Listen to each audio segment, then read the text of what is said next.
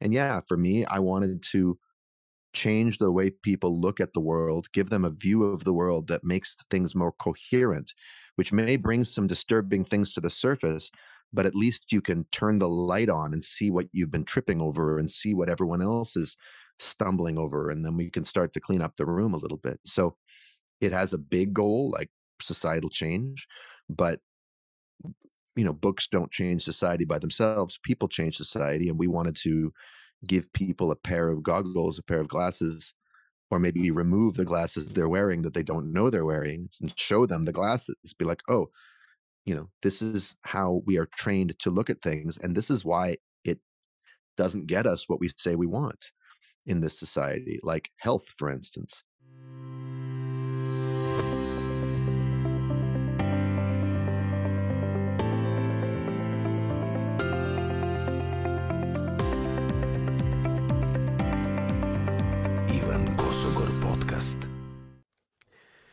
And we are live. Daniel, welcome to the show. Thank you so much for coming. Zdravo Ivan. Did I say that right? that's right. That's right. Uh, it, it was very interesting. Your new book is out, and I was uh, listening the book on the Audible, and I received a message from our mutual friend uh, Igor, and he's like, "Hey, would you like to interview Daniel Mate? Uh, they, he just published a new book with his father Gabriel uh, Mate, and I'm like, I'm just listening right now. I'm texting him. Oh, what a coincidence! That's I know, cool. and I'm like, is this even possible? And then I was like, sure yeah and then we just like uh, exchange like couple emails and here we are so thank you thank you so much Oh, my pleasure. There's a word in Yiddish for that. I think it's beshert, which means uh, it's meant to be. It's meant to know, be. All right, it, beshert. It's, it's beshert. Yeah, it's a destiny. You know, it's written in the stars. Yeah, it's just like, and then I I was reading, I was I was listening to the book, and then uh, I just want to share a little bit from my experience, and then we will dive into the the whole yeah. the whole thing. But um, uh, this is not the first book from uh, your father that I'm that I'm reading, and uh, stories from the last book and then this book are very disturbing, I would say, but also they are sending a really uh, strong message, at, at, at, least for me, and that is that uh, first I'm very thankful for my life. I didn't even know how many problems mm. people can have, and now now you mentioned destiny, and I I was like uh, it was very hard to digest some stories. It was very hard to yeah. uh, say, "Oh yeah, life uh, life is fair," or you know, it's uh, you you start questioning so many things, and then the uh, the book book was named like "Myth of Normal," and then when you start questioning what we accept as normal and what we accept as that that's how things works it, it just like very very very hard to stay stay peaceful and i was like driving to mm. my work and i would listen and then uh i would i would come at work and my my friends will ask me like is everything okay with you and i was just like well i just heard a story about a woman who forgave hitler and that that shaped the whole whole energy of mine you know how how yeah. was the writing process for you uh, I mean, someone asked me this yesterday. The writing process for me, I was one step removed from the material because I was focused on it as a writing project. I was focused on just making the text as enjoyable, exciting, humor filled when there was an opportunity to add some humor. Uh, because I think material this heavy needs some lightness, as you're saying. It can be very, very heavy. My dad is the one who had done the interviews with these people, so the, the transcriptions were already done. And so I was treating it like, okay, here's the material. How can we make it as digestible as possible? So that in in some way that kept me slightly at a comfortable distance from the the horrors that people are describing in some of these stories. Um, some of them got to me more excuse me. Bless you. Yeah. Some of them got to me more than others. Um, definitely the stories of, you know, from indigenous Canadians, the multi-generational um the things that families go through are just incredible to me, you know. Um but two things. I mean, number one, the book is also full of a lot of inspiring stories, a lot more than my dad's previous books are. I mean, because healing is right there in the subtitle, which is never, well, that's not true. Scattered Minds had uh, healing in the subtitle, but but there's a lot of success stories, so to speak, in this book in terms of people really healing, transforming their relationships with themselves, and some of them curing their diseases, although that's not the point of healing, as we say. Um, so so that lightened things up. And number two, I just enjoyed the process of writing it, of working with my father. It was a great challenge. And uh, I got to bring my own special skills and perspective and and talents to the to the table. So it was uh, it was a less heavy experience than it was for my father, who was really carrying a big weight of oh my god, this is my magnum opus. Is the world ready for what I have to say? Do I have anything to say? Do I know how to say it? I was pretty confident from the beginning that I knew how to help him do this. Mm-hmm. So you know, I think I had it easier than him, although it wasn't easy exactly. I mean, working with your father, as you can imagine, is never a simple thing. Then you, you said uh, two things. What, what was the number number two? Do you? Oh, that was the second thing that that oh. that um that it was just enjoyable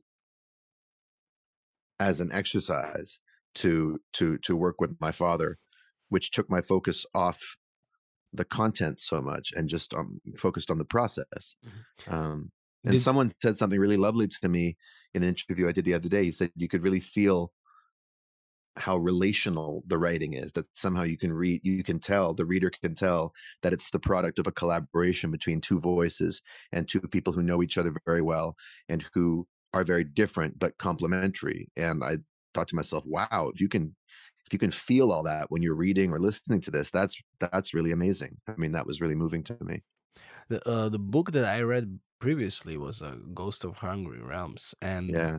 uh, it took me more than two years actually to finish it because it was very heavy to read those things. Because I never before that I, I've never learned uh, knew anything about uh, those kind of stories and lives.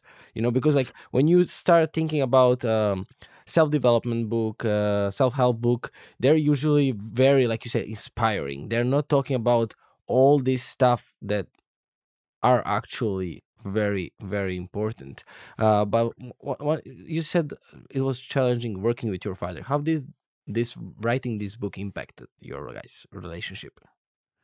Yeah i'm happy to talk about that. I'll just say though what what made in the realm of hungry ghosts also very unique is that it's partly a memoir of his work in a very particular very impoverished traumatized neighborhood in in vancouver where where i was born um, with a lot of indigenous people, a lot of women in the sex trade, a lot of people with HIV, people with hardcore drug addiction. So essentially, poor people.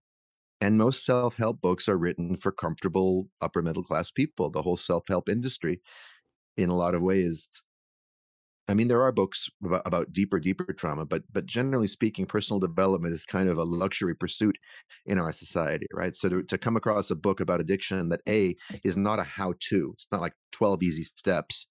Not that the twelve steps are easy, but like five easy steps. You know, it's not that, and it also uses as the entry point the most extreme examples, the most extreme cases of addiction, as a way of making the point that we're all addicted to some degree and as a way of so that was that's what made it a very um uh, shocking and sobering read for a lot of people. This book we talked to people from a whole lot of different backgrounds. Um what was it like working with my dad? How did it affect our relationship? I think it greatly deepened our relationship. It updated our relationship into the present moment. I had always complained that he didn't see me as an equal. And he once said to me, Daniel, I can't make you my equal, which felt like I was stabbed in the heart. I was like, ouch. But in the next moment, he said, I also can't make you not my equal. Only you can do that. I was like, oh, okay, touche. You're right. It's my, the way I'm looking at it. Well, that's partly true, but also he was looking at me through an old filter. It wasn't just me. And working with him on this book, his faith in me, and then me having to show up as a professional collaborator, it allowed me to set boundaries that were hard for me to set just as his son. Because I write musical theater and I have collaborators all the time and you have to learn what what's your job and what's the other person's job. So I would learn to say no to him. I was like, Dad, no, you can't talk to me that way. or like like or or to set rules like okay if i send you back a chapter that i've like because often he would write the first draft of the chapters and then i would take it and sometimes i would i would heavily molest these chapters i would do a lot of things to them change them around and sometimes depending on his mood or his fatigue level or just his opinions he'd be shocked by what i did and maybe a little displeased so we at, at a certain point i had to make a rule i would say dad you have to sleep on it when I send you something towards the end of the day, you don't get because he would call me up immediately and be like, Daniel, uh, oof, you know, you're a very good writer. It's uh, very well written, but this sounds nothing like me. And you're saying all these other things. And, and it, I would get defensive. And eventually I was like, why are we doing this, dad? Take the day, have a sleep. Because often what would happen is the next day he'd wake up and be like, Daniel, I reread it. It's great. I know what to do with this. So just coming up with little life hacks like that because we have these these ingrained habits that just don't work they just generate more conflict so learning how to set new conditions uh, without drama too because the drama comes from our personal relationship the drama does not help our professional relationship so it was like training wheels on a bicycle to learn a new kind of balance a new kind of skill and in the process we each got to see each other and know each other in a much more present moment way. So I got to see him as a human being, as a as a insecure, unsure, neurotic, creative person, which I can relate to. It made him more relatable to me. And I think he saw me as an artist and a craftsman and and a grown up with my own take on the world that really rounded out his and he really felt how much he really depended on me to do this book and he was very grateful. So to have that dynamic where he can actually say to me i could not do this without you and really mean it that was very meaningful to me. Wow that that's that that's probably something that every son wants to hear you know? I think so on some level. I think so and not everyone does so i feel very fortunate and the other thing is we just had a lot of fun because i mean my dad and i one one area where we've always connected very effortlessly is language. We both love language. We we love word games and puns and jokes, and we're you know it was a very talkative family, and there were upsides and downsides to that growing up. But now, as grown-ups, he's a writer. He loves literature. I'm a musical theater writer, a lyricist, a songwriter. So, you know, self-expression and the choice of words and the music of it is very important to me. And here we are passing Microsoft Word documents with words full of, you know, full of words back and forth to each other, really enjoying each other's work and having fun and enjoying the process. It was great.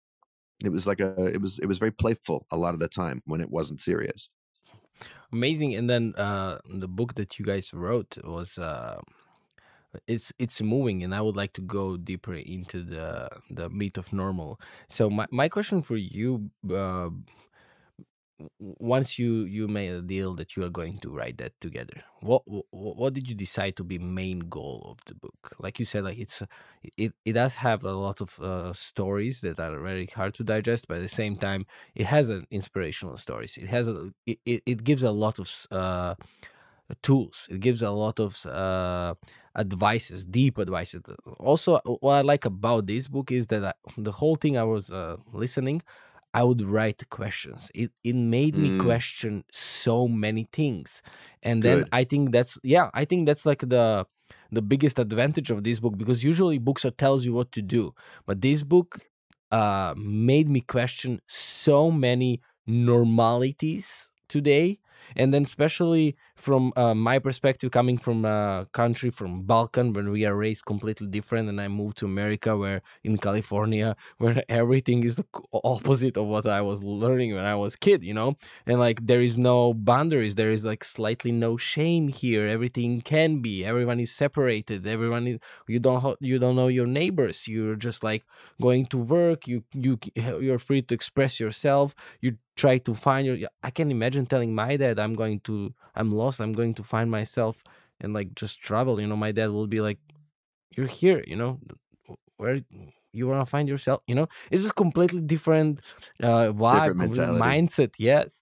So yeah, yeah, yeah. reading your book and like putting all these perspectives and uh in uh in, into those questions it, it, it's just like a I, it's a perfect timing also because I, I became a father 20 days ago and then relationship between uh, kids and parents. I, I want to go into everything but let's start with uh, with my first question uh, it's just like yeah. what was your what was main goal? yes your mission. Yeah.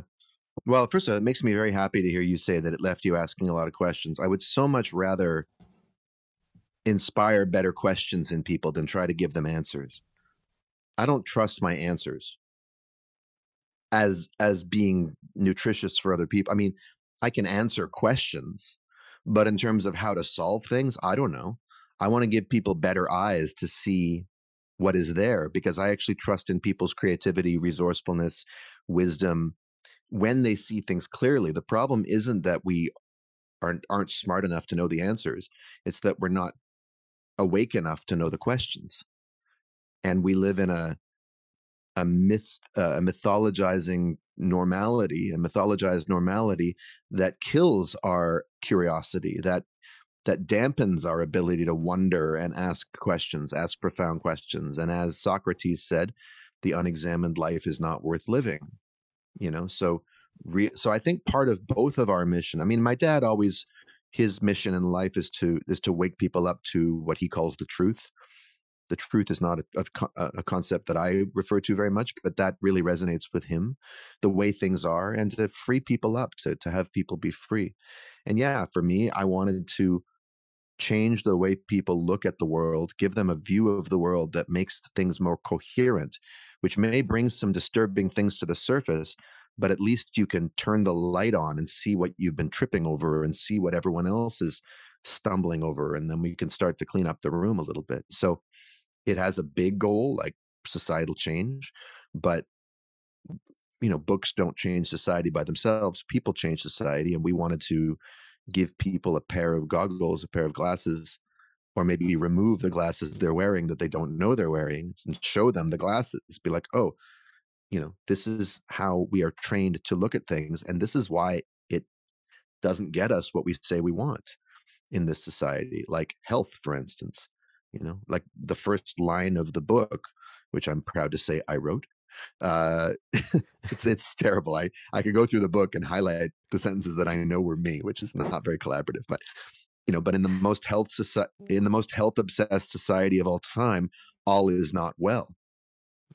It's a profound irony but everyone knows it's true.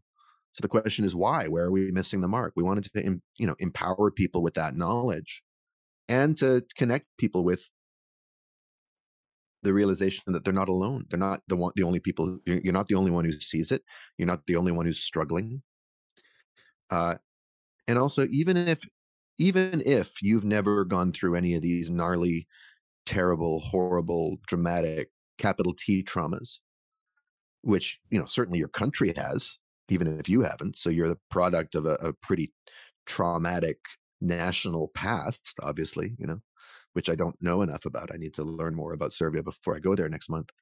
Um, but even if you don't have capital T traumas in your past, we're all carrying emotional injuries that we're not aware of. Most of us are, at least.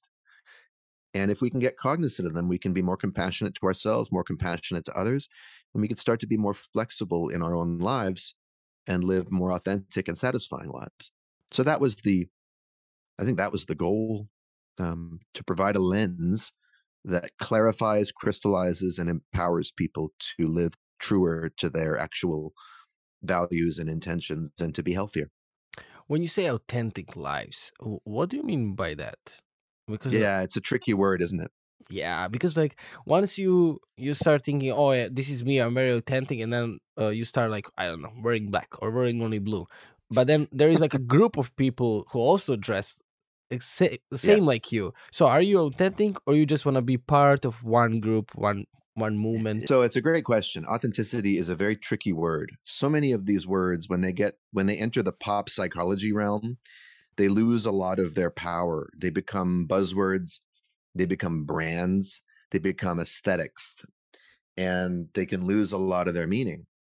Um, and so, as we say in the book, I mean, look, capitalism sells us a bogus version of authenticity.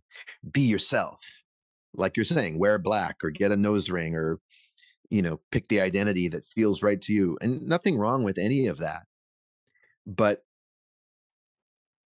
authenticity in the way we're using it is a lot more than just that.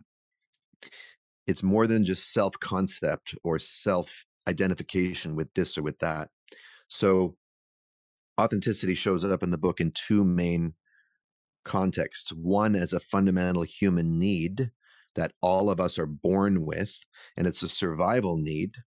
So, we're not talking about some frou frou new age concept you know, not some luxury item you get at retreat centers. No, if you were a wild animal, if you were a, a rabbit, say, out in the wilderness, how long would you survive if you weren't connected to your authentic gut feelings? Not very long. You'd be dead. Um, authentic comes from the Greek word autos, meaning the self. So it means connecting to someone's essential self, knowing one's feelings, knowing one's experience, being able to listen to one's impulses and instincts and honor them. Um, and we need that throughout the lifespan, but that that need sometimes gets subordinated to another need, which is to attach to our primary caregivers. And if our primary caregivers don't have the emotional, psychological bandwidth to accept all of us, then we may suppress parts of our authenticity in order to survive, in order to keep that relationship. And then if those get ingrained as personality traits, then we forget that we were ever otherwise. I mean, no no child is born suppressing their emotions or anything about themselves. They have no control. They can't suppress anything. We learn to do it, and then we forget that we ever could do. Uh, we ever could express those things, and then we're living a life where authenticity is compromised. We're living a constrained version of ourselves. And the other context in which we use authenticity is related, which is in the healing section. We call authenticity one of the four A's of healing. And what we mean by that is regaining that connection to the self. And you know, putting on a new pair of jeans or changing your hair color could be a net could be an expression once you connect to some part of yourself it could be a natural expression but it's not the thing. And yes it, it's ironic that capitalism well capitalism basically ruins everything it touches as far as i'm concerned consumer capitalism anyway it makes us into consumers rather than creators and exactly right authenticity becomes a brand and you want to sell as much of it as possible so now you're conforming to new whatever you think authenticity is. It's totally it's totally backwards. So but it's very important to understand what we mean by authenticity and if that word is too uh, worn down for you if it's too cliche then you got to find another word. You know connected with myself keeping it real like like knowing who I am, knowing how I feel, whatever whatever you want to whatever word you want to use. The other thing I like is that authenticity etymologically is related to words like authorship, like being the author of your own life. Same root. Also authority. You're the authority on your life. Right? So uh you know and autonomy. Um so authenticity as opposed to some affect or some pose or attitude. It's a connection to an inner resource, an inner GPS that guides us through life and that really never fails. Even if, I mean, obviously you can't prevent accidents and catastrophes in the life of a human being, but it, it it's it's our deepest connection to ourself.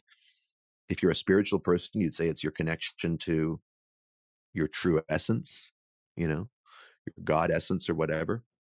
So, yeah, I think it's totally understandable that that some people hear that word and they're like, eh, I don't know if I believe in that. But that's only because you're you're you're talking about the you know the the artificial version that that we're sold. That's not mm. that's not the real deal. You do love words and language. Like I, Oh I, yeah. I learned a couple new lear- words right now. I'm, I'm just kidding. I'm just kidding. Uh, but uh, you know, I, I would just like to stay a little bit longer on the authentic- authenticity, and um here, what, what I found interesting here. Also, I, I'm not trying. I, I don't want to sound like I'm judging American culture. Uh, I'm just like very uh, comparing so much right now because it's so new for me. Uh, when Yeah. I came here and then I started talking with like younger younger people at my work, and then they would tell me that they tried tried more drugs that I knew exist, or they that they like sleep with so many people, and they're 20, 20 21, 22, and they they're saying that as a normal thing, and for me that like that's opposite from my values, from something that I was raised from my mindset. And then i asked like from pure curiosity i was like what made you try those drugs drugs? Why do you have need to uh, change so many people in your life? And then they always answer the same question like i just like trying to uh, find uh, myself. I'm trying to connect with myself. I'm trying to to find what's right for me. And i'm like but do you feel closer to you or uh, did you lost yourself in that way? Because the more Mhm. things you try but uh wi- without any values without any um you know strong foundation on what do you want to build from yourself Absolutely. how to without a strong in, So- without a strong intention, and many Yeah. people are trying to escape their experience themselves, and they're searching for that authentic self that they lost touch with a long time ago. They don't know where to find it, so they find it in external things, whether it's substances or behaviors or other people. How how how would you uh in in the book it was very uh with with those four a's and uh, uh, it's very um like like you make a path for us to to look to that authenticity and for yourself. But l- let's just like dive in a little bit about that. What would be your your advice or your few steps to really uh understand that you are connecting with yourself instead of like losing yourself in that process Yeah, well, I mean, I think the first thing, you know, my dad always says about addiction don't ask why the addiction, ask why the pain. Mhm. And in a sense, in a in a broader sense, what you're talking about, that constant flight from the self, that constant search for the self through other things that can never possibly I mean, look, some psychedelic drugs or even recreational drugs can give us an experience of part of ourselves that we've lost touch with. You know, sex can turn on parts of us and remind us of parts of us. But then when it goes away, you lose touch with it again. Right? Or it's very easy to do that. Um I I would start with what am I running from? What am I trying what problem I am I trying to solve? If I'm constantly if, if I'm trying to find myself, where did I lose myself? Because I was born totally whole and complete. Where did I lose touch with it? And also get in touch with the pain of it, first of all, because you're constantly running around doing things. And especially with phones and internet, it's so easy to distract ourselves constantly. We never have to stop. And the corporate world doesn't want us to stop because when we stop consuming, they stop profiting. But if we are committed to healing, we have to stop and say, ugh, okay, what's it what's it actually like for me to constantly be looking for the next high? Or the next fix or the next orgasm or whatever it is you know? How am i actually feeling underneath that? When the high when when the, when the when the buzz wears off how do i actually feel? Well let me tend to that feeling because that feeling of emptiness or loss or grief or boredom or not being comfortable in my own skin you know keith richards from the rolling stone talked about rolling stones in um in his book uh his memoir he's, he talks about you know addiction as this the convolutions you go through just not to be you for a few minutes or a few hours. Well what am i what am i uncomfortable with in myself what's missing in myself you start asking these questions compassionately which takes a little bit of patience and presence but then we start getting real and then we say okay i really miss something i miss a connection to how I feel. I miss a connection to my body. I miss a connection to other people. I'm really hungry and I'm stuffing myself with junk food and it's never filling me up. And that's what starts the process of healing. I think healing wants to happen, but we have to participate in it. We have to get on board the vehicle. So that's what I would say. You know, eh, don't judge it, don't make it wrong. I mean, there are societies that are way too strict about this stuff. Don't have these experiences don't you know which is another way of suppressing your you know mm. look experiences are good there's nothing wrong with having adventures and whatever but at a certain point you have to realize you're not going to fill yourself up from those experiences at best you can learn from them but you're asking exactly the right question what's your intention? What do you really want to reconnect with? And are there ways you can reconnect with it that don't depend on some external stimulus? You mentioned you mentioned social media right now and then i remember one quote from the book. It says like social media is something that you can get enough, but you don't need it.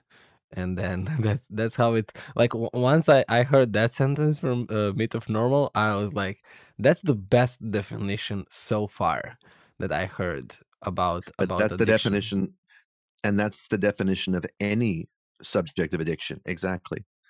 And as there's a great quote from Dr. Vincent Felitti who says, it's hard to, to get enough of something that almost works. Oh, yeah. Oh. And all of these things almost work. That's what we keep going back to them. It's the best available replacement for the real thing, which is love, connection, presence, calm, peace, God, whatever we're looking for. Uh, let's let's go back for the myth of normal. Uh, we, you talked a lot about uh, toxic society, uh, mm. and it's very obvious. Uh, now we can name like junk food, social media, uh, con- consumer societies. That, that uh, it, it's very funny when my wife moved to to Serbia to live with me. Um, she and then we we came back to america three years after and she told me this is like very uh, hard for me right now because i feel that i have to buy all this stuff. I have amazon prime again and it's very easy. It can be here in like less than three hours if i order right now you know and then in serbia I didn't even need this stuff because I didn't even look at this stuff, you know? And it's like a completely, yeah. uh, you know, like vibe. It's so different. Also, there there is a yeah. lot of advantages and then uh, pros and cons in in both uh, places. I just I don't want to totally like, present America as like a huge like uh, an anti people country, and definitely not. But it's just like when you start going deeper and then uh, from your book's perspective let, let me let me name it like that like toxic societies uh, like, uh, like i said junk food uh, social media news and media here completely you know like a yeah. like a broadway uh, yeah. from my perspective also and like uh, what else will be elements of this uh, society that obviously failing us because now you can just point yes. and be like you are wrong and you have to make it right for your life it's just like wait wait a second like like like a question you, you said it before i have it here in my notes. What don't ask why addiction why ask why the pain. But like first you have to become real and be like your inner environment and your uh out environment is a comp- you have to see the whole picture. Yeah you have to see the whole picture that's right. Well so you use the phrase toxic society and it's interesting because the phrase we use in the in the book and in the title is toxic culture and there's a reason we use culture and not society. Now, there's a lot of toxic things about our society. You're right. And we get into them. Those are the societal elements politics, pop culture, economics, um, cultural values, things like that. The word culture has a scientific meaning as well as a sociological meaning. In a laboratory, if I was a biologist, Mm-hmm. and I was trying to grow a certain microbe or uh, bacterium, I would have it in a broth, a biochemical broth in a petri dish with which has certain properties, certain chemical composition, pH levels, acidity, things like that. That's a culture. You know, when you drink kombucha, which you're in California, I'm sure you're surrounded by it. The rivers flow with kombucha in California. Uh, you read you read the ingredients, live bacterial cultures right? These are cultured, uh, you know, deliberately grown organisms. in that case, you know, gut flora or whatever it is. And that a toxic culture wouldn't necessarily have to be one that has poison in it, but it would just be one that's not healthy for the bacteria in question. So if you put your bacteria in what you thought was the healthy culture and they start mutating or dying off or getting sick or just not thriving the way that they their potential would dictate you'd say this is toxic to them. This, there's something about this culture that's that's just off. It doesn't meet their needs. That's the sense in which we mean toxic culture. Now from there there's all kinds of societal manifestations of that but but using our definition of a toxic culture means that we start from the very very very beginning what are our fundamental assumptions about human beings and how do they match or not match the way it is? So for instance in our culture we separate mind and body. Well the minute you do that you're going against nature and that's toxic to us you know because our mind and body can't be separated. Uh, a big thing is what's our concept of human nature? Because everything we do in our society is going to flow from a working theory about who, how, who human beings are. Or at least we're going to use theories about who, who human beings are to justify the status quo right? So in a capitalist society any economics course will teach you what is the nature of human beings. Well we're selfish we're individualistic we operate in our own narrow individualistic self-interest. We want to maximize our profits and minimize our losses and we're transactional beings. Okay well if that was true then the society we live in would make sense.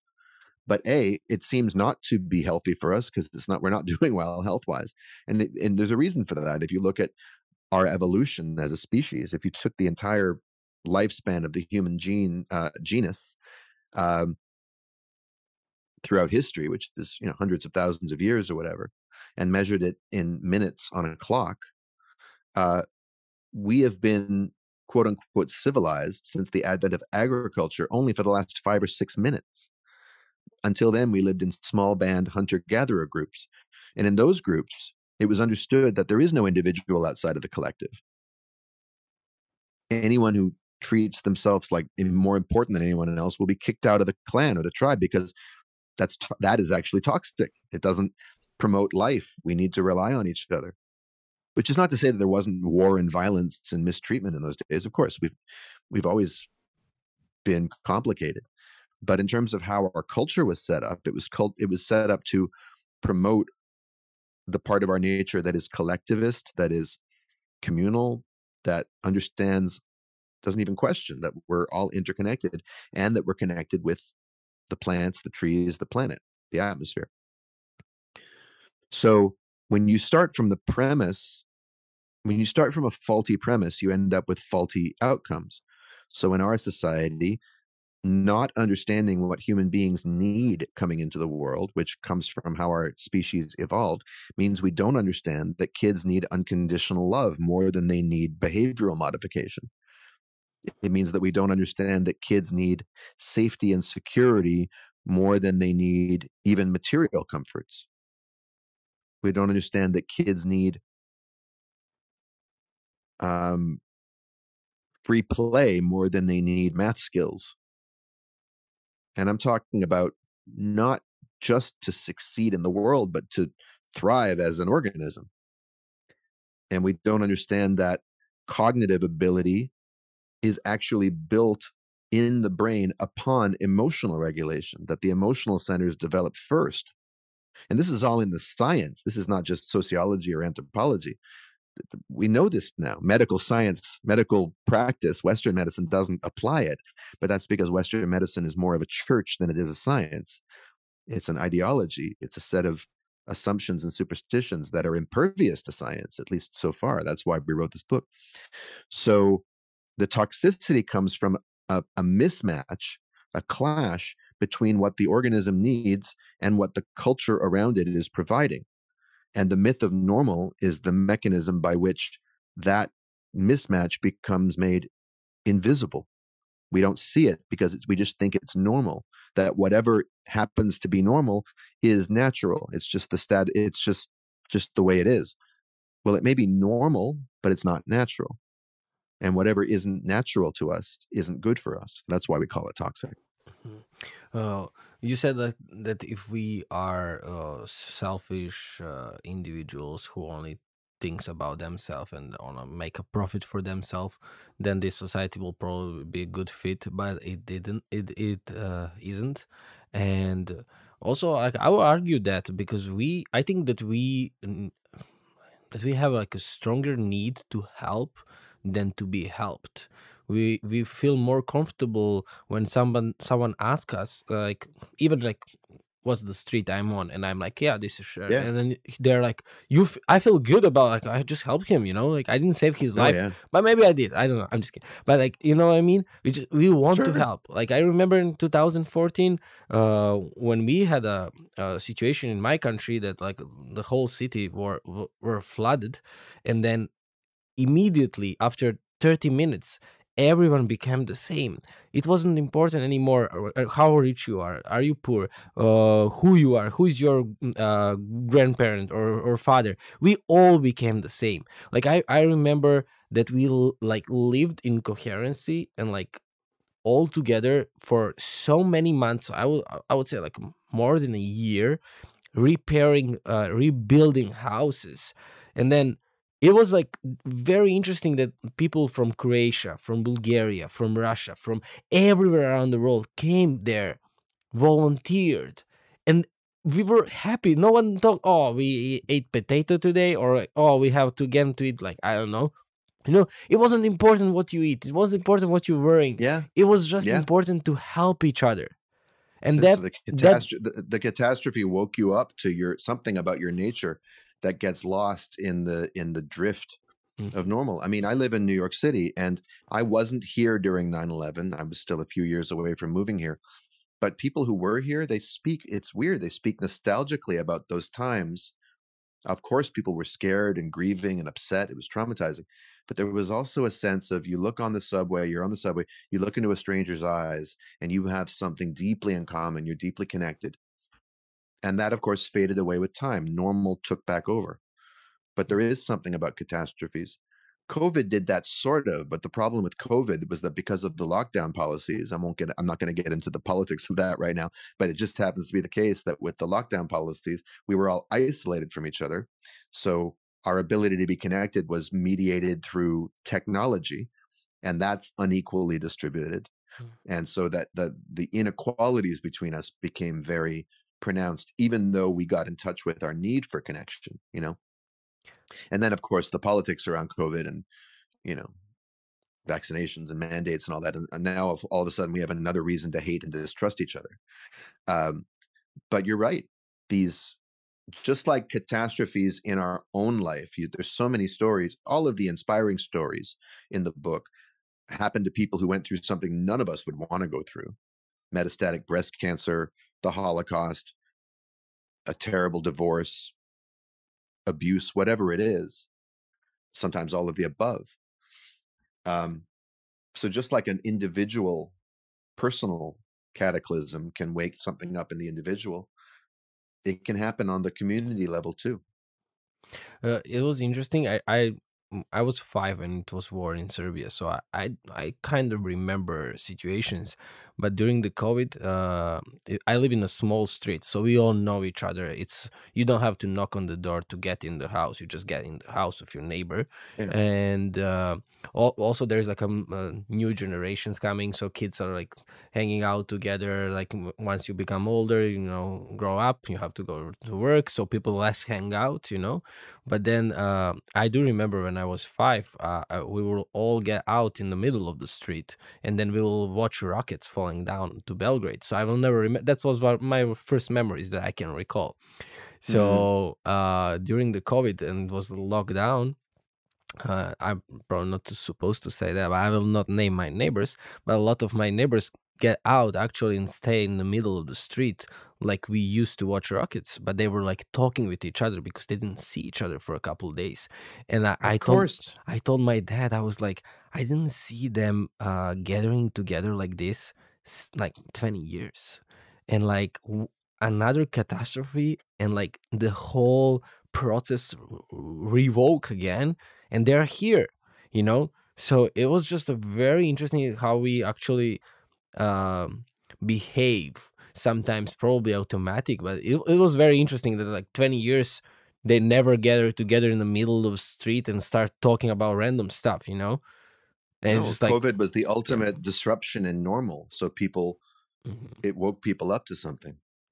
So we talked about what's about uh, culture we talk about myth of normal. So what should be considered as normal? I would list just a couple things that i i, I heard from the book and uh, it's that we should uh, nurture our kids to feel self-confident to respect others to be honored to be curious to learn.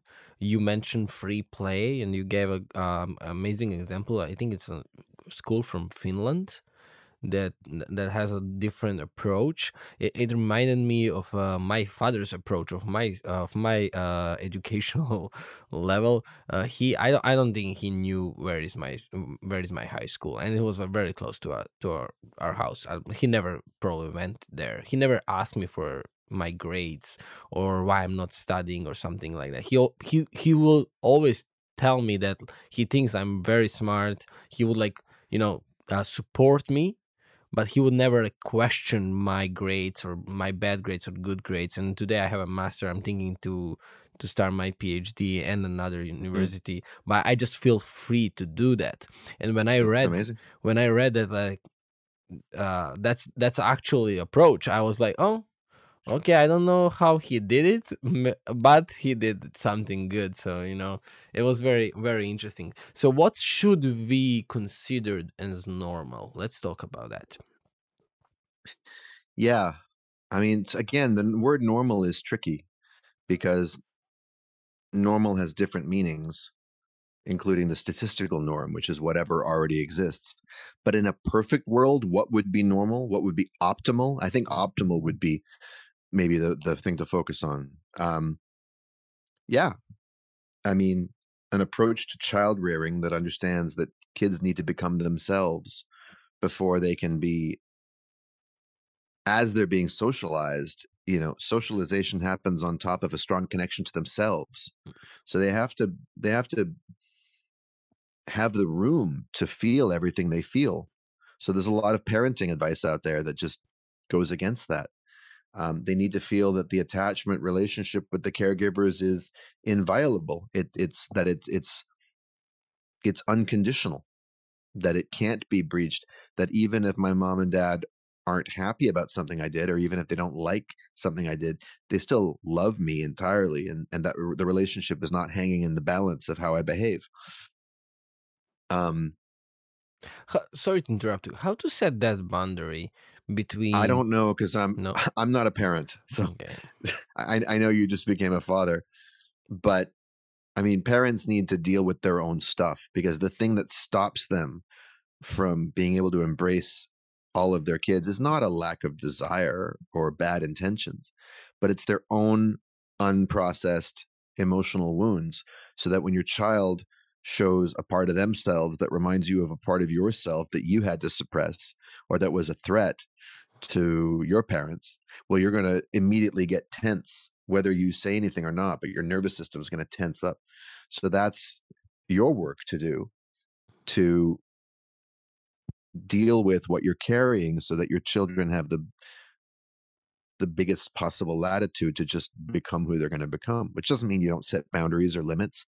You can say no to certain behaviors but that doesn't mean you're saying no to the person. You're not making the person wrong um, you know, if we lived in a healthier society, we'd be trauma aware. We'd understand that people's afflictions, whether it's physical illness or addiction or mental illness, are stemming, they're expressing something about the person's life. They're manifestations of how the person has lived, not through any fault of their own, rather than just cruel external interruptions we'd have a medical system that understands this, a legal system that understands this, an educational system that understands this. There's a lot of things that would, you know, if we could understand how human beings are actually built, we would have very different norms. Do you think it's a problem of understanding, or do you think there is another drive uh, that uh, is currently here in this in this culture and society well yes and yes uh, obviously there are other drives like i said corporate culture doesn't want us to understand and human beings are very adaptable and we get used to things so there's a part of us that doesn't want to understand either. We'd rather just stay comfortable even if it's killing us. But yes it is a, a, a failure to understand and the, the how do i know that? From all the number of people who have said i read this book and it blew my mind what does that mean? There was something they couldn't see before. It was right in front of their face. It was too close to them. It was like water to fish, right? It was too normal. Well, we made it, we showed it's like it was part of the wallpaper, but all of a sudden you start to notice it. So, yeah, understanding these things. I mean, because we're not taught this. We're not taught this. We grow up, we swim in water that says mind and body are separate. Biology is individual. So, you know, if you have cancer, that's an individual pathology but it's actually just not true. But we don't, because Western medical practice hasn't integrated these teachings that science has shown for a long time, we don't learn it. And so we think, oh, there's something wrong with me, or I have this external disease that's attacking me. But once you understand what disease actually is, which is a dynamic process, once you understand what addiction is, which is a dynamic process around relieving pain and discomfort, once you understand what mental distress, mental illness is, which is actually a dynamic process where the mind's coping mechanisms start turning against itself and creating difficulties functioning in the world or exaggerated qualities. And I'm speaking as someone with a mental health diagnosis myself. Well, then that understanding changes everything because you're not struggling against it and you're not denying it. You're you can say, "Oh, okay, I get it," and then you can see the ways in which society is comfortable with you staying stuck, and you can start to take steps to. You have some agency, which is one of the other A's of healing. Agency meaning free will, choice. The uh, agency stuck with me with the idea that even uh, th- those are my th- that's something that I recall after I start like listen that part, and it was like even when you can't change some things, you can change how you feel about those things and make a peace yes. with them. Absolutely. Yeah. And that's the difference between accepting and tolerating. When you yeah. tolerate something, you push away your feelings about it. So if I'm in an abusive relationship, which would usually mean that I'm a woman, but there are abusive relationships where men are abused as well. Um, certainly where kids are abused. Um, I could tolerate it for years, meaning, oh, well, I probably deserve it. It's never going to get better. It's not that bad. All of that. That's tolerating. That's not acceptance. Acceptance is this is happening. And this is really unhealthy for me. And this is really hurtful. And I'm scared to leave and I don't know what to do. That's accepting. You start from there. You start from how things are. And maybe you can't change the situation, but you change your point of view about it. And it's, it's your point of view that gives you your feelings. You know, I do this thing called mental chiropractic, which is trying to get to the source of why people feel the way they feel based on what their point of view is. If you're stuck in something in your life, it's not because of the external factors. It's because of the way you're looking at it. Now, there are some situations where you're physically stuck. There is nothing you can do about it. Last year, I was in a Mexican jail for three and a half weeks because I overstayed my tourist visa and I got COVID in the jail, which meant I had to stay for 15 extra days before they deported me back to Canada. Now, once I was in there, there was nothing I could do about it. And believe me, I tried. I tried everything. And I tried explaining to them that, that, I'm an important author of a book that's coming out next year, and we're just finishing it off, and everyone's depending on me. And they would just nod at me like, "That's very interesting." Next, you know. So I had no choice about my circumstances, but my mindset about it, I had all the choice in the world. And once I realized that, and I realized that I'm responsible for my well, my for my peace of mind here.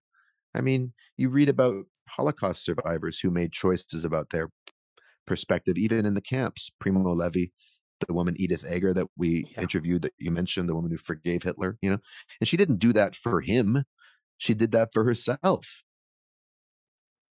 And when we hold on to our resentments, our old stories, um, we keep ourselves locked in the same experience. So shifting the point of view will give you different thoughts and feelings. But first, you have to realize that your current point of view is what's making you suffer, and you have to be sick and tired of it. In in the book, you said that uh, we and then you mentioned right now that uh, a couple minutes ago actually that we first uh, learn we first learn how to feel and then how to think. And yes. uh, right now, when you were talking, uh, I had a like a, a, thought that we do have like um, our emotions that like uh, drive us. And then we have our logic that we are explaining our emotions to us. So like yes, you say like good. we will be under abuse and then we will be like maybe i deserve. But that's like a, just a logical uh, way to explain to us why we are suffering and why we are maybe choosing to suffer. I don't know is it the right word? But it, it, it is very interesting how once we stop communicating with our emotion, uh, we start falling down. In- well, that's exactly right. And because the, the thing about lo- logic is a very powerful tool, but it all depends on where it's coming from and what and who's driving it. It's a vehicle. It's not, you know, it's not the driver. Hitler was very logical. He was also completely crazy, but inside his worldview, everything he did made perfect sense until his world started falling apart. And then he couldn't, the contradictions were too great and he shot himself, right? Because it was all falling apart. But murdering my great grandparents, that was logical to him. That made sense inside of his worldview. The atom bomb made sense to the scientists who created it and dropping it on Hiroshima. Um, staying in an abusive relationship it's a lot i'm not comparing these things or even being an abusive person. There's we can justify a lot of things. Mm. uh human being you know there's a reason we you know rationality and rationalize have the same root. We can rationalize anything. That's the scary power of our intellect. Now that's when our intellect is driving the bus and our emotions are in, in the trunk locked in a, a, suitcase. When our emotions are are are the fuel the engine of the bus then our logic can say okay how can i how can i be of service? How can i you know we can problem solve we can understand we can reason we can be um so i don't shy away from logic when i do my mental chiropractic work with people, I try to recruit their logic for a better for a better purpose. To say, hey, is it logical? You say you want peace of mind, but you you're trapped in this story about yourself that gives you no peace of mind. How logical is that? So uh, it's like recruiting a better logic. Where to start with a better logic? You mentioned mental chiropractic. Can you can you tell me a little bit more about that? Yeah, mental chiropractic is just my own particular modality that I made up. Someone gave me the the name mental chiropractor to describe what I do when I work with people because they said he said you're not like your dad. I said, well, I should hope not, because uh, uh, he's him and I'm me. But I didn't know how to describe what I did. So you're more of a mental chiropractor, and being what a, of what a chiropractor does, he's not he or she is not looking to like yeah they may see you regularly when you come in today, I'm going to make an adjustment. I'm going to adjust something, and you're instantly going to feel the difference. It may hurt for a second, but then you're going to feel the relief. So, because I'm not a therapist and I'm not a trauma expert, and I don't have my dad's saintly compassion and patience, I do have compassion, but I don't have that same kind of empathy where I'll just sit with somebody in their deepest pain and go back to their childhood. I just assume everybody's traumatized. I know we're all carrying trauma. I try to hold that as lightly as I can because what I'm interested in is okay, what do you want now? And is it true that you have to wait until you're completely healed, until your past is healed for you to have a powerful sense of agency and authenticity in the present. And I don't believe it is. I think if you can have compassion for your emotional wounds and injuries, and you can also get really intentional, which is to say, I really want to shift this. I don't want to be stuck anymore. And I'm willing to take responsibility for the stuckness by saying, okay, it's very, very likely that it's my point of view that's making me stuck, not the external situation. Well, if you're willing to take those steps, then it's just a matter of having a conversation with somebody who's not you, who's willing to tell you the truth mm. and to point out the inconsistencies in the way you're looking at it. And all of a sudden, there's another part of you that gets the memo and it's like, oh, wait a minute. Okay. So I do have a choice. Because until you have a choice, you don't have a choice. When you're stuck with one point of view that can only see it one way, there's no choice. It, the choice is only theoretical. So, what I do with people with mental chiropractic is try to make the choice palpable by showing them a different way of seeing it and having it occur to them like an opportunity for more flexibility. And, and just like a chiropractor, if they make the adjustment to your spine, then all of a sudden your muscles can move and your bones are sitting right and the alignment is there. I'm, I'm looking to align people's minds with their actual intentions, with which are more which are more authentic than all of their coping strategies. Uh, intentions are at a deeper level than all of the logical strategic mechanisms that we have to try and survive. Survival is not when you're in survival mode, you're not in growth mode, you're not in alignment mode. It's but survival is an important drive as long as it's short term.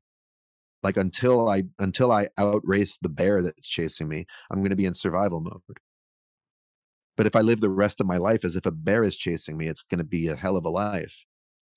So I do this thing, and I, I my my method of delivery is that I take walks with people.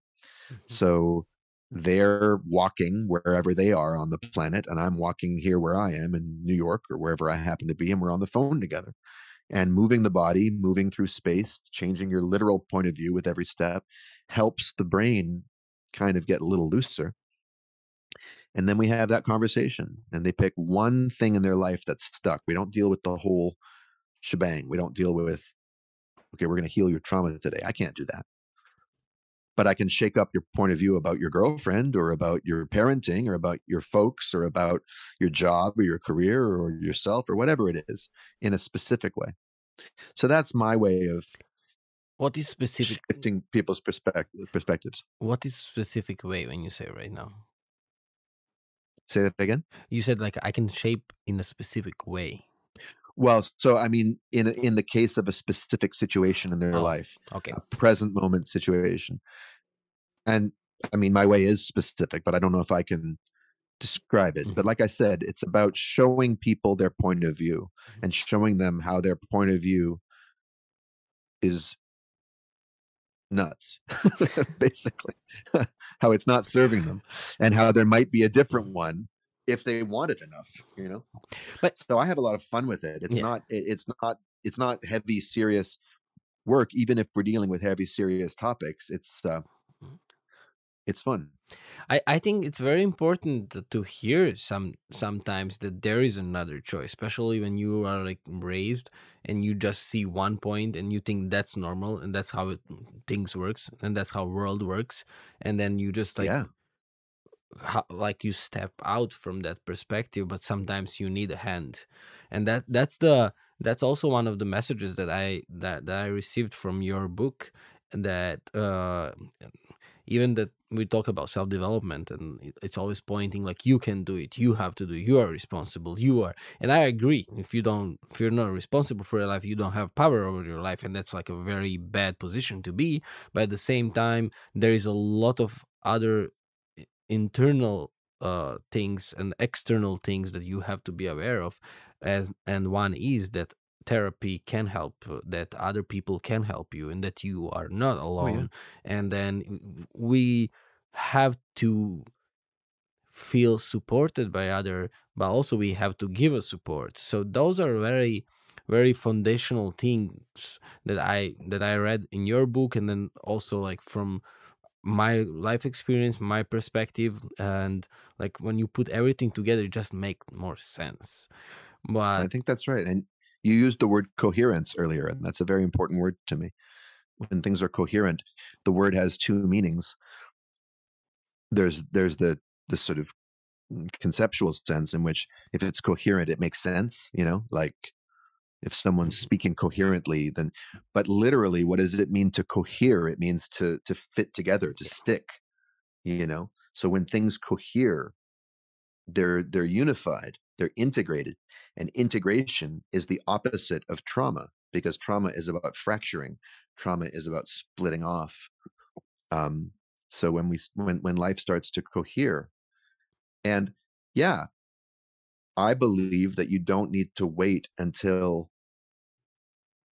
you do all of the healing work for you to start have things cohere externally and in fact if you can have one situation become more coherent in your life then that sends a message to the rest of you that maybe the trauma isn't your destiny.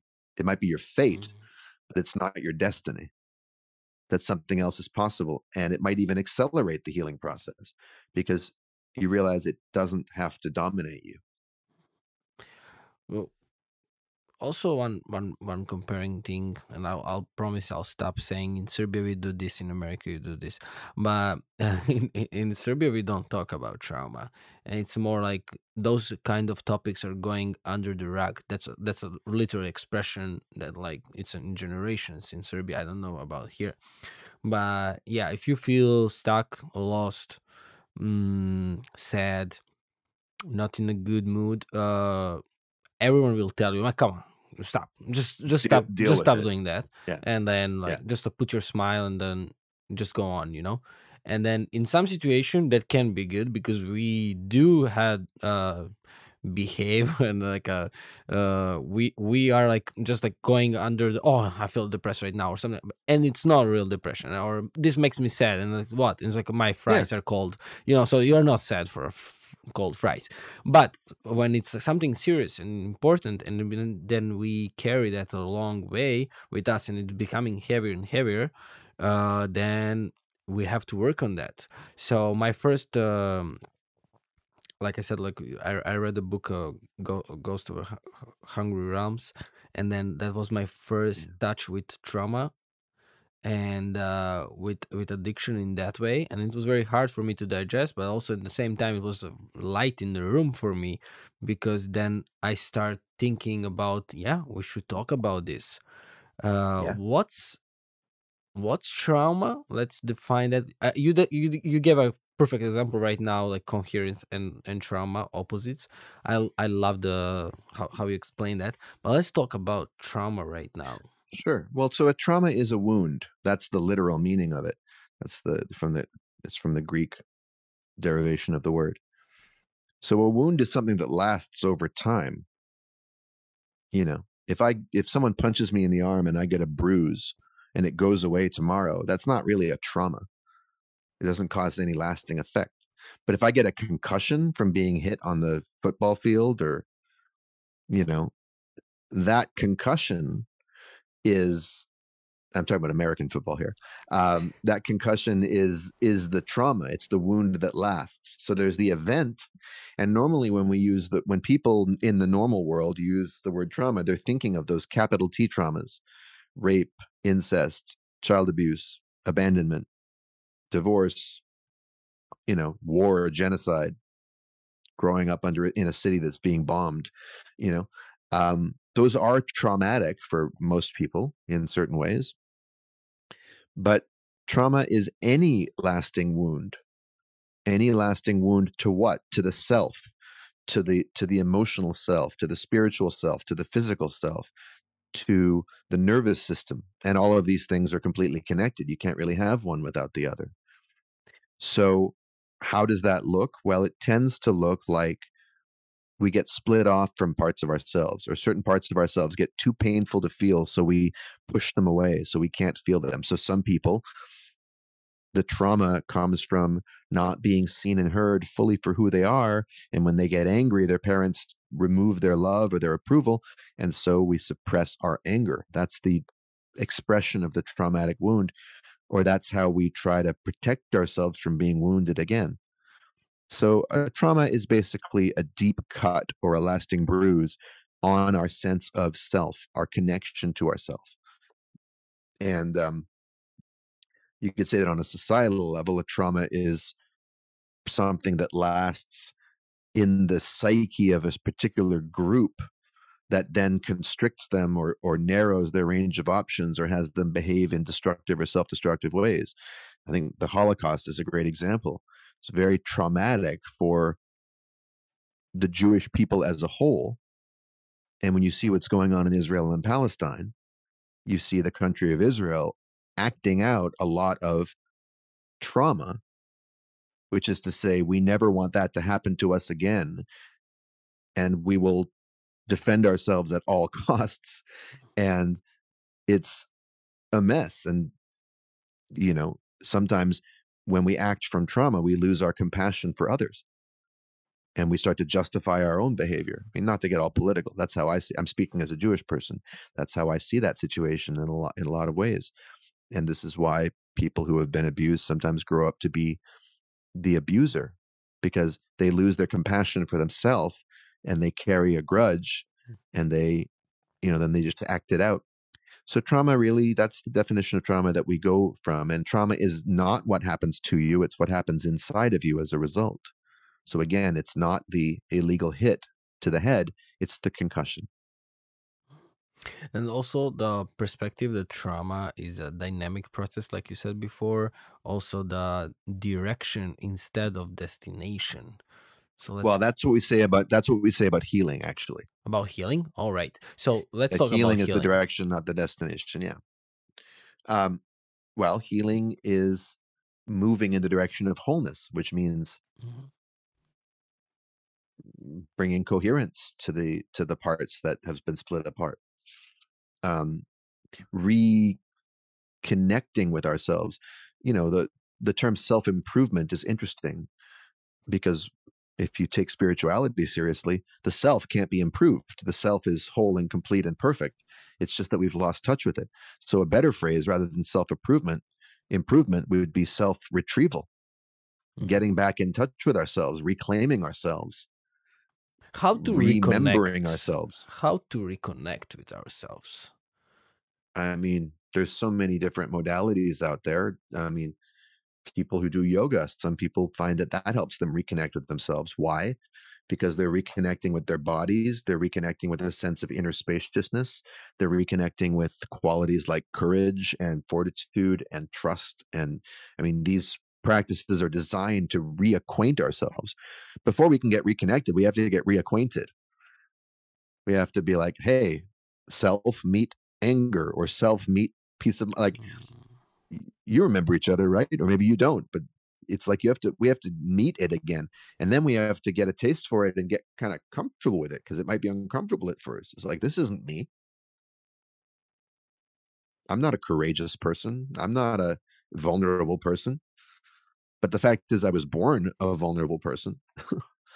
So we get reacquainted we address the blocks to it we understand why we've been estranged from parts of ourselves and again, you have to have an intention. You have to really want to reconnect with yourself. And one way to do that is to think about the pluses and the upsides of that. And another complementary way is to look at the cost of not doing so. How is it going for me living in a fractured way? How does it affect my relationships? How does it affect my health? How does it affect my children? So once we get that inspiration really to reconnect,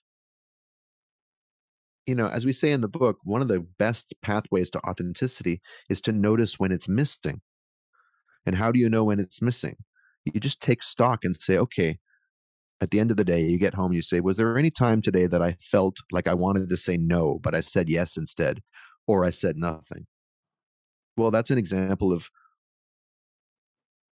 a disconnect from authenticity. The more you get aware of that, the more you notice it after the fact, the more you practice that, eventually you're going to start noticing it in the moment that it happens or even beforehand. Oops, I'm about to suppress myself. So it's about building conscious bridges between these qualities as they reemerge, as they come back online. And make themselves known to us because the fact is healing wants to happen. Our true selves want to express themselves. That's why the authentic drive is so important. You know as a creative artist i know this. There's a reason that something in me impels me to write songs and musicals even if i don't know if anyone's ever going to listen to it. There's just something that just wants to get expressed and when i honor that i thrive and when i don't honor it i i suffer and i regret it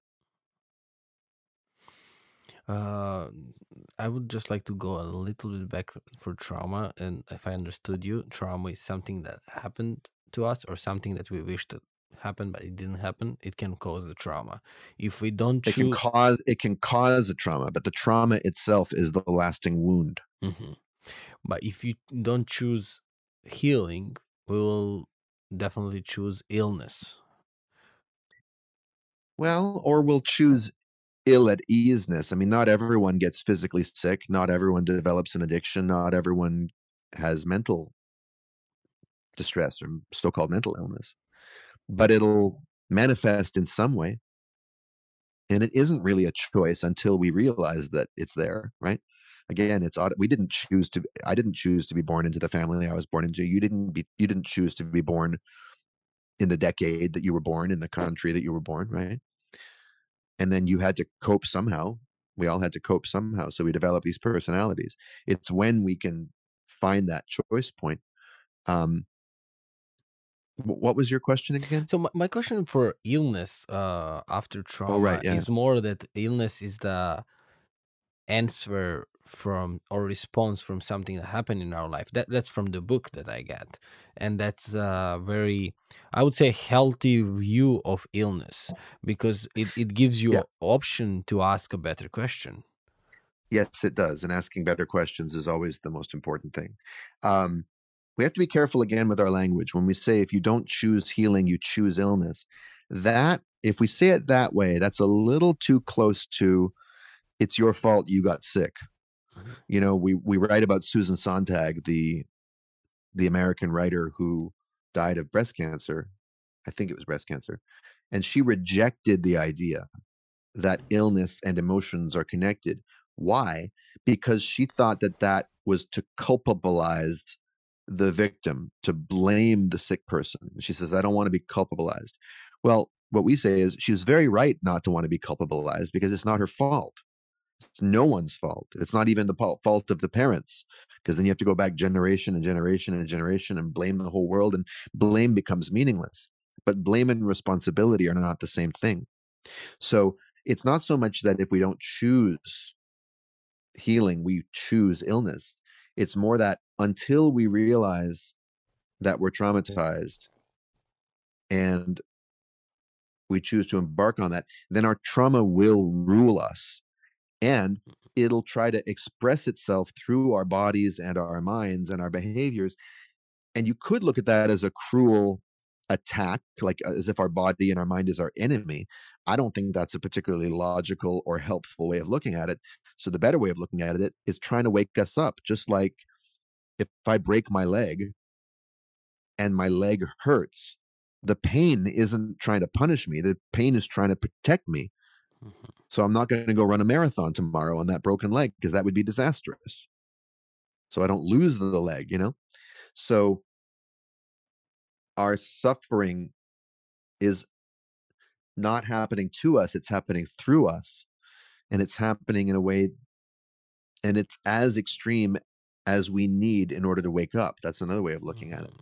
So you want to look at it in in in a rigorous way, a responsible way, but not a kind of stoic I did this to myself way because that's not even logical. You didn't choose your coping mechanisms and you didn't choose to forget parts of yourself. When I if if you if if if you are the kind of person, you know, there are personalities that seem to be much more prone to autoimmune illness, for example, like the very nice people, the people who have to suppress their anger, the people who never want to disappoint anybody else, the people who put other people's needs before their own. Well, if you became one of those people, you came by that honestly. At no point did you choose, oh, I'm going to suppress my emotions. I'm, I'm going to repress myself. You don't wake up in the morning saying, I'm going to betray myself and sell out today and, and injure myself. I'd really like to get cancer today. No, you did that because that was the best option you had in a very difficult situation as a child. And then, in order to keep the coping mechanism reliable, you had to forget there was an alternative. So it isn't your fault and it wasn't your choice. You had no choice. The question is, what would choice look like now? Mm-hmm. When I said choose, uh, I, I I thought more like we have two options after that or we're going to go on a path to healing or we're going to path on illness. In that way not not like in a oh like you said woke up and betray myself. That that was that was an interesting one. Yeah well once you realize you have that choice then mm-hmm. you have that choice. But you really have to bring compassion.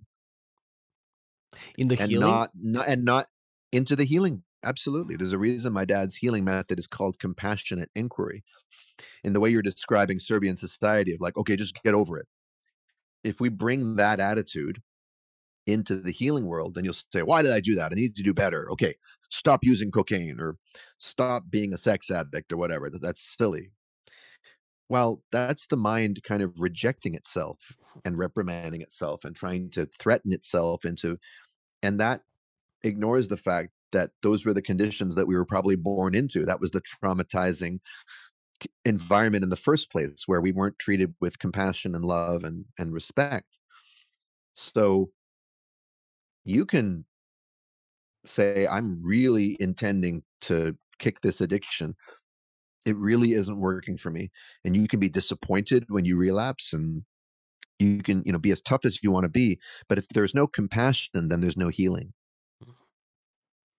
Because compassion is the is the balm for the traumatic wound. In the last uh, chap uh, few chapters in the book, uh, you you talk about compassion a lot, and mm-hmm. uh, the the thing that I would like summarize from from the myth of normal that, that I got as a as a huge impact was that uh, if we separate us from everyone else and if we separate even parts of us from the whole part of ourselves and then including like social environment physical environment emotional environment internal thoughts gut feelings authenticity everything that we talked today we got this like oh yeah this is normal i can change this is how it works i'll try to adapt which is like yes. our best friend and our worst enemy because we adapt 100% so easy to things that we should change before we adapt on them but myth of normal for me i said it before i will just repeat myself again uh made me question so many things and uh especially the last part that i'm going to read again and listen again because i think it has to be uh, approached in many different ways but also you know how people change and then book change again with them. Absolutely. So i think absolutely. that that part is a gold from the from the whole experience that obviously walk you through that part and like uh, bring some red flags along the way. But then the the last part with the healing actually uh it, it was awakening and it it just like you, you have to digest in a couple in a couple bites uh, let's say like that. Uh i i want personally thank you for writing this book and then my last question for today i have so many questions to ask you and uh, the more we talk the more questions i have.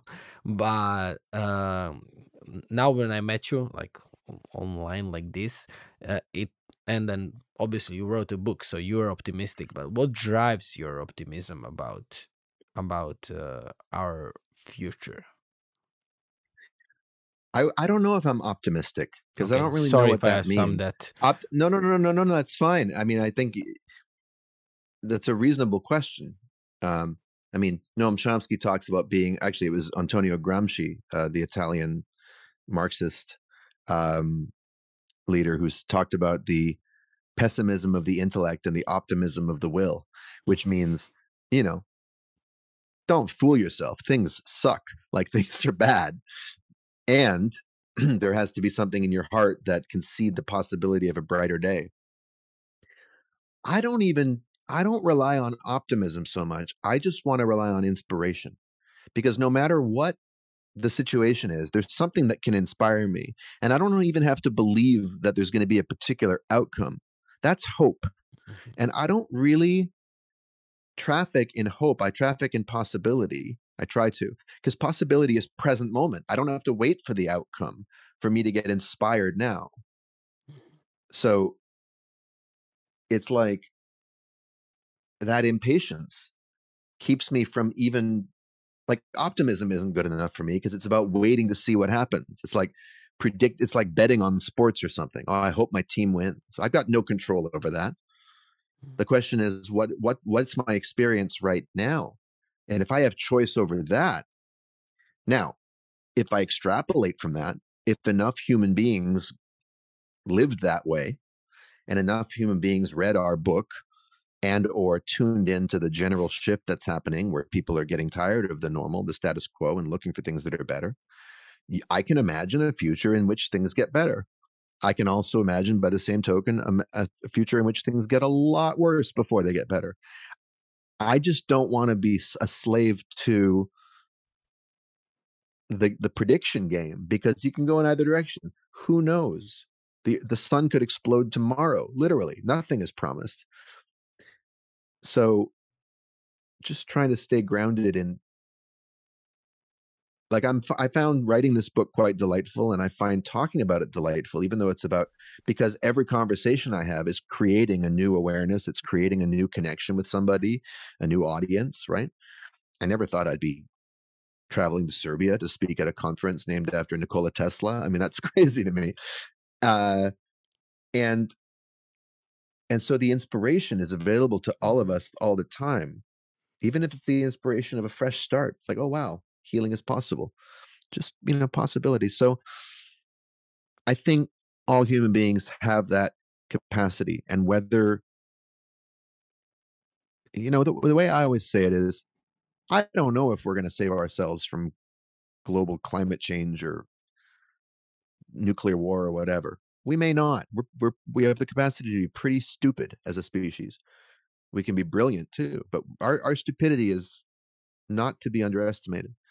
But I will never lose hope or faith, I should say. It's faith that in the very final moment, before the last human takes their last breath, they have the capacity to go, oh, okay, I get it and then life is extinguished and then but that would be to me that's a happy ending like i like that ending let's because, hope that will not be our ending let's but, sure let's yeah. hope not because i like our planet and i like our species i yeah. do think the earth's going to be fine with, with or without us because mm. it was around for a long time before us but yes from the the humanistic side of me i would love to see humanity win mm-hmm. so that would that would take more and more of us waking up to our authentic selves and not waiting for culture and society to catch up with us because culture and society has an interest in perpetuating itself not in healing itself so we have to drive that change as individuals and not just individuals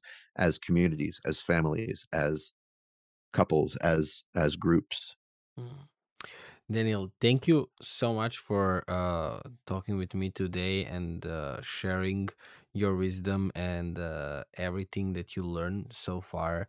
And uh, you just remind me why I started doing these podcasts and, and conversations, and uh, it was very beneficial personally for me and uh, with with my daily struggles and a whole new life. And then I'm really hoping that people who are going to listen to us right now and uh, your your words that they will find a connection that I found it today.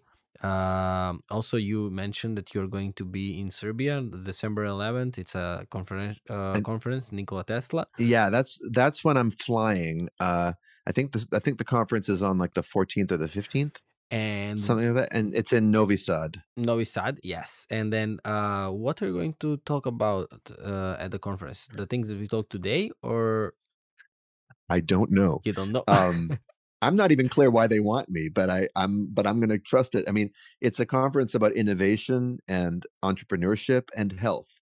So i guess I kind of want to find out more about what people are dealing with there because the the organizer, who's a mutual friend of ours, right? Yeah told me that that often in the in the tech sector in the innovation entrepreneurial sector people don't think about their health health enough especially in that cult in that country so i guess i want to meet people where they're at get a sense of what people are hungry for and then just share whatever I can. I don't usually prepare too much for my Mm-hmm. talks. Um, I'll certainly talk about mental chiropractic because that's something I know more and more about the more I do it. hmm And um, uh, but we'll see. We'll, I, we'll see. I'll probably take a lot of questions. oh yeah, uh, be be prepared for a lot of questions. We love to ask. Uh, but I. I interviewed a couple speakers already. Uh, like during last three years that are going to to be at the conference and then i i i personally believe that the whole idea is to put the whole aspects and uh from our life including our job our career our mental health our spirituality together so that conference Yes, will be will be uh putting the whole thing together and it's like it's that. named by nikola tesla who who created things that we are using this Zoom today, I would argue, because of him. Mm, Uh, mm. so I'm I'm very happy to see you at that conference. I'll be part I'll be part of that. I have links in the in the in the below, so you can uh, find and register and uh, join us. Uh, anything else that you would like to add? Yeah, if people want to connect with me, uh, I'm on social media, Yeah. Instagram and Twitter, Daniel B. Mate, M A T E. hmm And my mental chiropractic website is walkwithdaniel.com. Mhm. People can book a free 15 minute conversation with me to see if it's a good fit for you. And then, um, yeah, it's something I really enjoy doing. And I don't know if I've ever walked with anyone in Serbia. So Oh, there is a chance. There is a chance. Yeah. I'm uh, I'm going to put all the links uh, that you just mentioned right now, and then during the uh, during the next couple years, I would like uh, to arrange another talk so we can see what changed and how things progress, and then we'll talk about more possibilities. I Uh, would be very happy to. My father and I are writing a- a second book about adult parent child relationship. So there we'll have that to Oh, talk about as well. that's And I know that everyone everywhere can relate to that one. Yeah, that's amazing. So I will let you go and start writing that.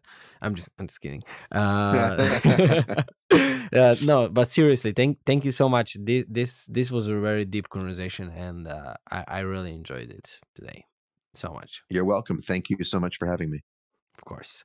And thank you everyone for listening. Uh if you find this uh useful and uh that you liked everything we talked today, please subscribe and share with your friends and see you next time.